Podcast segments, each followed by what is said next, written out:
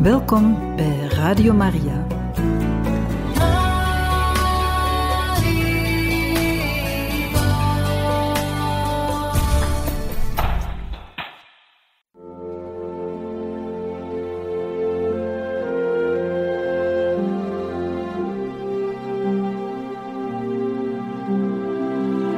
Beste luisteraars van Radio Maria, welkom bij het programma Catechismus. Een overweging bij de geloofschat van de kerk.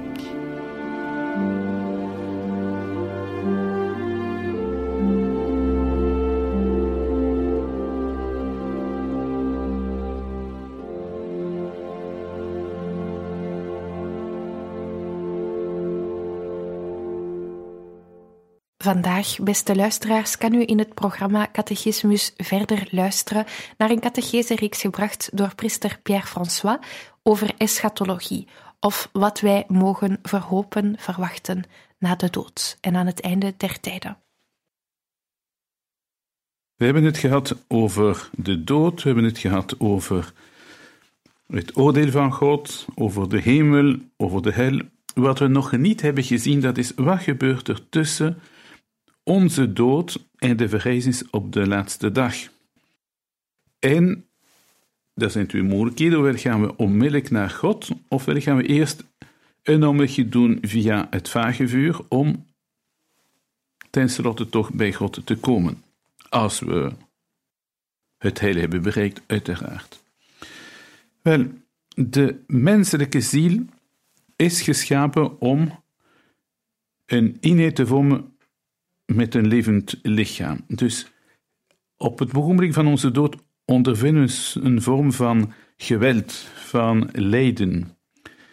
En het ligt niet in onze natuur om door het andere leven te gaan als een engel, los van het lichaam, want indien God ons geschapen heeft en dat Hij gezegd heeft dat die schepping goed was, is het ook goed voor ons dat we ons goed voelen in een lichaam eh, in dit leven hier op aarde, maar vooral in het andere leven. Maar daarvoor moeten we wachten tot de opstanding op het einde van de tijd, op de laatste dag, wanneer Christus zal terugkomen in heerlijkheid. En wat gebeurt er tussen mijn dood en die uh? Wel, we leven in een toestand van zuivere geest, van ziel los van het lichaam. En toch kunnen we van het zicht van God genieten, die zogenaamde gelukzalige visie of visio beatifica. Maar er gebeurt iets in ons dat ik zou willen illustreren door een anekdote te vertellen van mijn tijd dat ik student was. Misschien heb ik dat al verteld, maar ik denk dat het hier op zijn plaats is om het opnieuw te vertellen. Namelijk dat ons uh, hoogleraar eschatologie, dus theologie over wat er gebeurt na de dood, die zei ons een bepaalde dag aan de studenten: Er zal toch één ding jammer zijn wanneer we in de hemel komen. Verbazing natuurlijk bij de studenten. Hij herhaalt het een tweede keer. Dan is ongeveer twee derde van het auditorium dat zit te luisteren. Maar het is pas tegen de derde keer dat hij zegt: Er gaat toch één ding spijtig zijn in de hemel. Toen keek iedereen. Dat is, en hij zei toen, dat we geen kleine offers meer kunnen opdragen aan God. Niets zal nog, ons nog een beetje moeite kosten. Dus ik stel me de vraag: hoe kunnen we aan God laten zien dat we Hem beminnen en dat het menens is? Hoe kunnen we die overgave beleven waarin er een zekere verdienste is? Met andere woorden, eens dat we in de hemel zijn, kan onze liefde niet meer groeien. En er zijn mensen die vlak na hun dood zullen beseffen dat ze de kans hebben gemist om zich geheel en al aan God te wijden om die overgave te beleven, om de liefde te beleven met een totale overgave van hun persoon. Maar dan, gelukkig is de hoop nog niet voorbij, want God laat ons de laatste geschenk van zijn barmachtigheid achter. Hij geeft ons nog één kans om iets te doen dat ons een offer kost. En die ene kans, dat is dat wij gebruik maken van het vage vuur om ons nog, iets te ons zeggen, om te zeggen, kijk heer, ik heb heel mijn leven de kans gemist om te zeggen dat het menens is dat ik u bemin. Nu dat ik op punt sta om voor u aanschijn te staan, wil ik toch op een of andere manier laten zien dat ik van u hou. Dat ik me. Ja, dat ik echt mijn liefde wil beleven, mijn totale overgave. Bij de mensen die heel heilig hebben geleefd, is dat niet meer nodig, want heel hun leven was een soort lofzang tot God en ze hadden haast om God te zien en, en te beminnen en hebben overvloedig aan genoegdoening gedaan. Maar andere mensen zullen beseffen dat het hun laatste kans is. En wat gaan ze doen? Ze, zal, ze zullen eigenlijk afstand doen van het onmiddellijk zien van God. Ze gaan dat een beetje uitstellen. En dat is de zuivering, de loutering van het vage vuur. Misschien zal het aanvoelen zoals een vuur, misschien beter te begrijpen in de geestelijke betekenis van het woord. Een, uh, ja, een, een innerlijk vuur in het hart, waarmee we zeggen dat we vurig verlangen om God te zien, maar dat we hem ook willen zien in een staat van innerlijke reinheid, innerlijke uh, totale overgave. Wel, dat is wat men noemt het vage vuur. Het geloof in het vage vuur wordt niet door alle christenen gedeeld. Bepaalde mensen zeggen nee, het vage vuur bestaat niet. Um, er zijn zelfs uh, mensen binnen de katholieke kerk, met name Paus de 22e, die de kerk heeft geleid van 1316 tot 1334, die daarover heeft getwijfeld. Zijn opvattingen waren wisselvallig. Toch is het zo geweest dat hij tijdens zijn pontificaat het gebruikelijke katholieke standpunt niet heeft afgewezen. Maar wat de paus heeft achtervolgd in zijn laatste levensjaar is in een aantal homilieën de mening, de mening van enkele theologen van toen, die zeiden dat de heilige weliswaar voor het laatste oordeel in de hemel zouden komen, maar uh, ze zouden alleen de heiligste mensheid van Jezus zien en niet uh, de totale visie van God. Bon, ik weet niet wat voor voordeel het heeft om te gaan twijfelen over al die punten. Maar in elk geval, de paus in kwestie heeft gezegd: Als ik mij vergis, mogen, hij dan, mogen God mij dan corrigeren, die het beter weet. En heeft dus plechtig gezegd in 1333 heeft gevraagd aan de theologen en de bisschoppen die vraag te onderzoeken. En heeft zich ook eh, neergelegd bij hun, uh, hun conclusies. Ik denk dat we vandaag de dag niet meer zoveel last hebben van dergelijke twijfels. Um, er zijn wel bij bepaalde protestanten zoals Oscar Koelman, een theorie dat men na onze dood tot de opstanding ten leven op de laatste dag, dat de zielen een soort toestand van slaap zouden hebben, zonder bewustzijn. Kijk, ik weet niet wat hem bezielt om daar op dat punt te willen afwijken van het eh, katholieke standpunt. Natuurlijk zijn er mensen die zeggen ook dat er na de dood niets meer leeft. Dat is uiteraard in strijd met de uh, kerkelijke leer. Andere mensen zeggen dat de verrijzenis plaats heeft op het moment van de dood. Dus ze kunnen zich niet inbeelden dat er een toestand is van gescheiden zielen, dus een ziel los van een lichaam. De, ze kunnen dat niet aanvaarden. Um, theoretisch zou dat wel kunnen, dat God de tijd en de ruimte vervormt, zodat het moment van onze dood subjectief aangevoeld wordt als het moment van het oordeel, maar blijkt toch heel raar te zijn qua standpunt.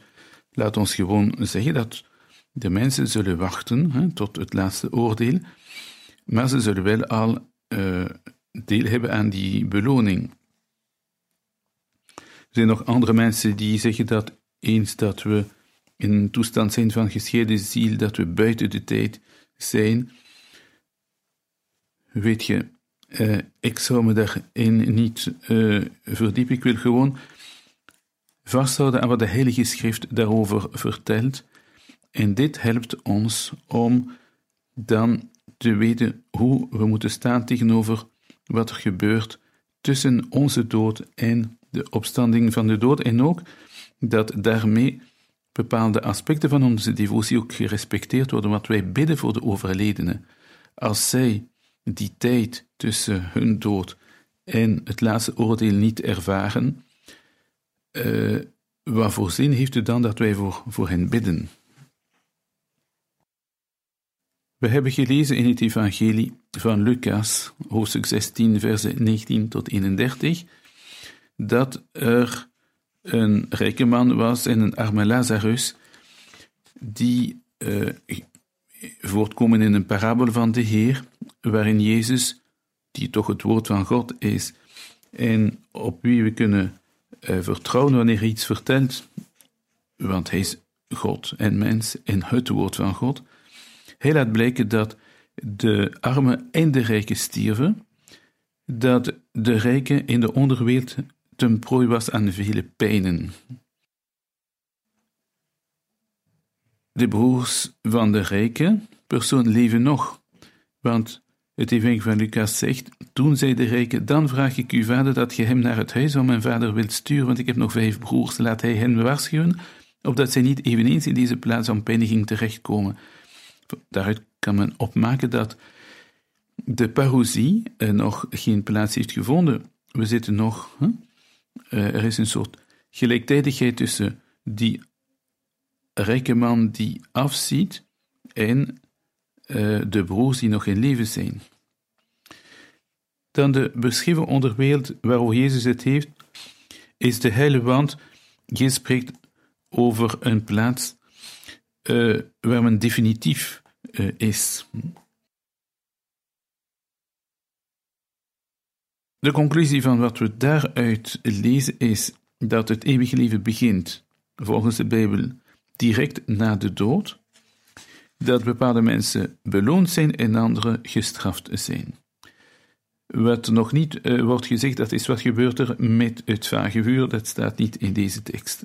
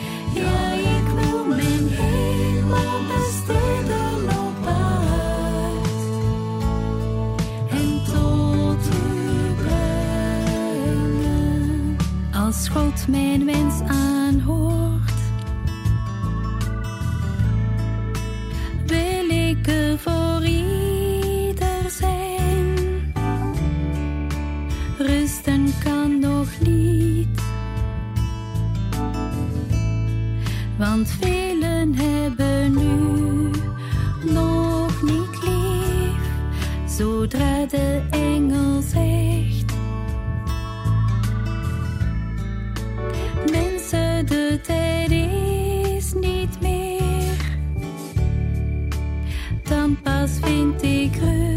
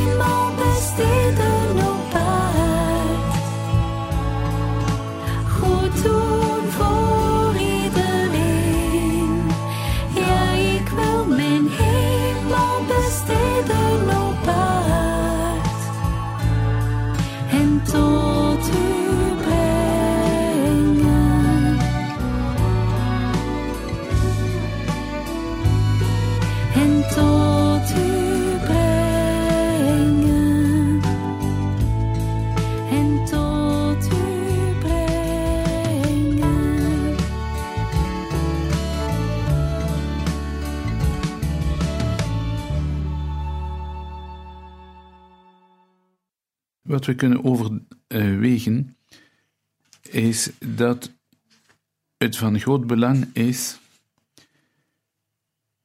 ons te houden aan de leer van de kerk en terug te keren naar het evangelie, waarin Jezus ons duidelijk spreekt over onze dood, de terugkomst in heerlijkheid, namelijk de parousie, dat er al een beloning is uh, vlak na de dood, en wat we nu gaan zien om deze reeks van uh, opnames af te sluiten, dat is wat we moeten begrijpen door het vage vuur, of in het Latijn purgatorium. Hm?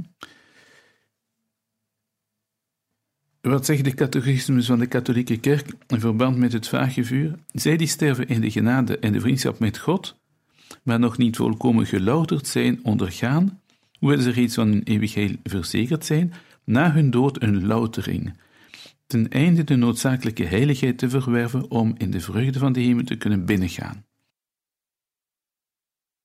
Waar staat dat in de Bijbel wel? In het Oude Testament, in het boek Maccabeen, spreekt men van mensen die overleden zijn, soldaten na een gevecht, van wie men weet dat ze bepaalde zondige praktijken hebben gehad, namelijk mm, een zekere verering voor afgoden. En wat uh, vertelt het boek Maccabeen? Dat men offers laat opdragen in de tempel van Jeruzalem voor die mensen.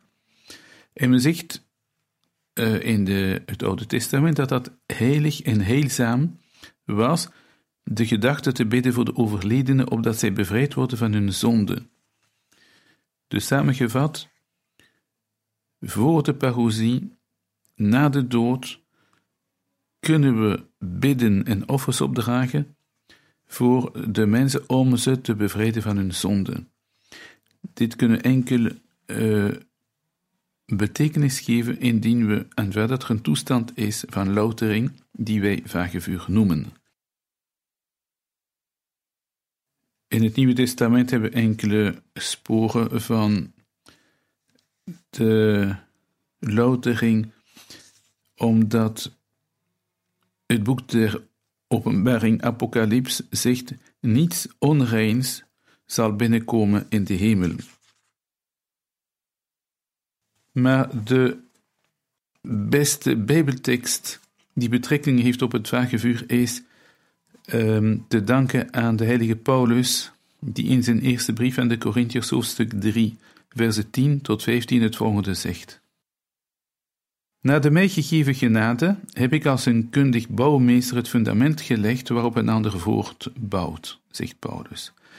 Maar laat iedereen toezien hoe hij daarop bouwt, want niemand kan een ander fundament leggen dan wat er reeds ligt, namelijk Jezus Christus. Of men nu op deze grondslag verder gaat met goud, zilver, kostbare stenen of hout, hooi en stro, van ieders werk zal de kwaliteit aan het licht komen. Paulus vervolgt, de grote dag zal het aantonen, want deze verschijnt met vuur, en het vuur zal uitwijzen wat ieders werk waard is. Houd het bouwwerk dat iemand opstok, optrok stand, dan zal hij zijn loon ontvangen. Verbrand het, dan zal hij schade lijden. Hij zelf zal gered worden, maar om zo te zeggen, door het vuur heen. Deze tekst is niet zo uh, helder te begrijpen als ze geen geloof hebben, maar wie het geloof heeft, begrijpt dat we een soort loutering gaan ondergaan, precies zoals vuur. Nergens staat er gezegd in de leer van de kerk dat het vage vuur vuur is. Het purgatorium wordt wel vertaald met het woord vage vuur, maar het wil niet zeggen dat dat een materieel vuur is. Dat betekent dat er een iets dat op vuur gelijkt. En als je weet dat de mensen die van elkaar houden spreken van vuur hebben in het hart, dan kunnen we begrijpen dat het gaat over de geestelijke betekenis van mensen die proberen dus via een of andere vorm van beproeving hun liefde te louteren. En wat gebeurt er met het vuur? Wel, de kostbare dingen blijven en de dingen van weinig waarde gaan op in de vlammen. Dat is een beetje wat er gaat gebeuren in het vage vuur. Onze liefde, trouwe liefde tot God, gaat blijven. En hetgeen dat gaat vergaan, is al dat vergankelijke hm, dat we mee hebben gesleurd, maar dat niet hoeft voor de hemel, dat gaat allemaal dus uh, door dat vuur verteerd worden. De kerkvaders mm, getuigen ook van het bestaan van uh, het vagevuur. Bijvoorbeeld de heilige Cyprianus, hij spreekt over een rest van straf die nog in die ziel kan achterblijven na de verzoening met God en de kerk, als het berouw niet volledig was. Dus er zijn nog dingen hm, waarvoor we nog iets moeten uitboeten. De heilige Augustinus een beetje later spreekt over een vuur dat weer goed maakt en een reinigend vuur. Dus die getuigenissen die niet zo uh, duidelijk zijn, verwijzen toch in de richting van de bevestiging van ons geloof in het vage vuur. Hoe dan ook, de kerk onderwijst het zo. Het is plechtig verkondigd geweest tijdens het concilie van Florence in 1439 en het concilie van Trente in 1547. Maar het is nog eens herhaald in de dogmatische constitutie Lumen Gentium van het Tweede Vaticaanse Concilie.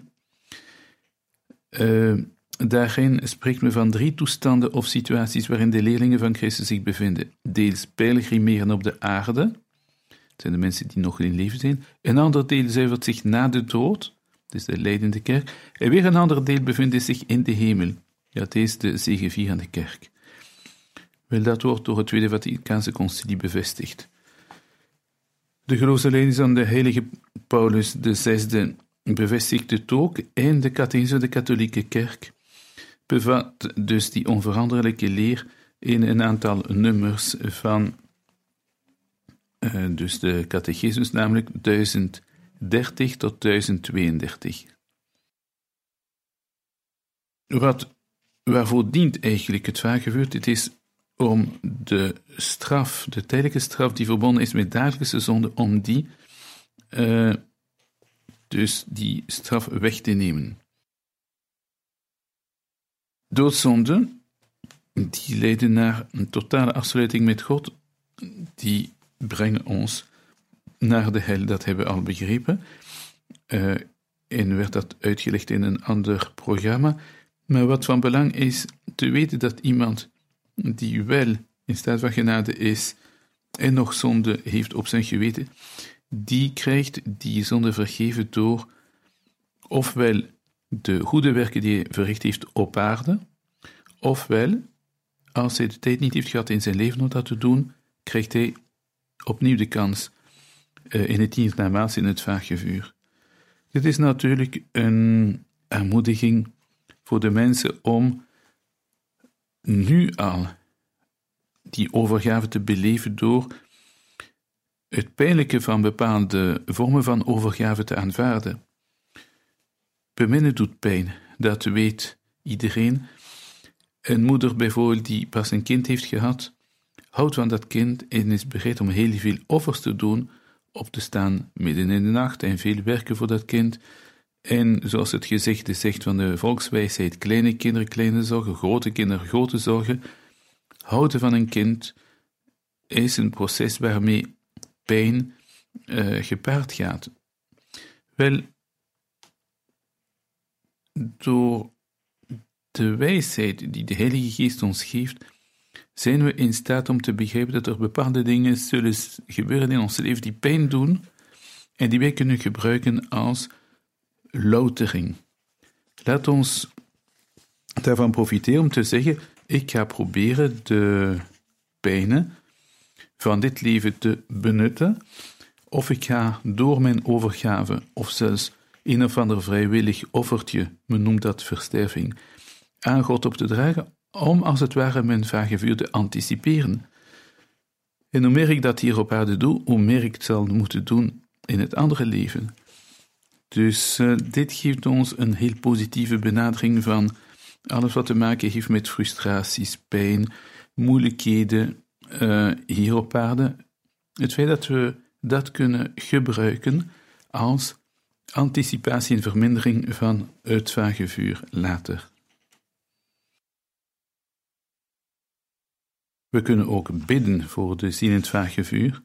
Er zijn zelfs bepaalde gebeden die verbonden zijn met aflaten waardoor we er kunnen, ervoor kunnen zorgen dat de mensen die in het vuur zitten, dankzij onze gebeden, wat minder daar moeten beleven, omwille van die gezegende solidariteit die ons verbindt.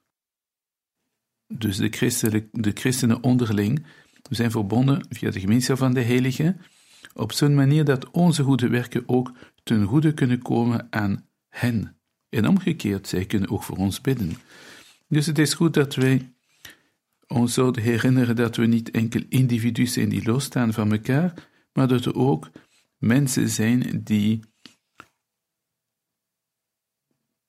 dankzij die mooie solidariteit die er bestaat, een gemeenschap vormen, zodoende, en zodoende dus met onze goede werken hen helpen en zij met hun uh, trouwe liefde in het vage vuur, want ze zijn al geheiligd, zijn al zeker van hun heil, dus ze vermogen ook veel bij God.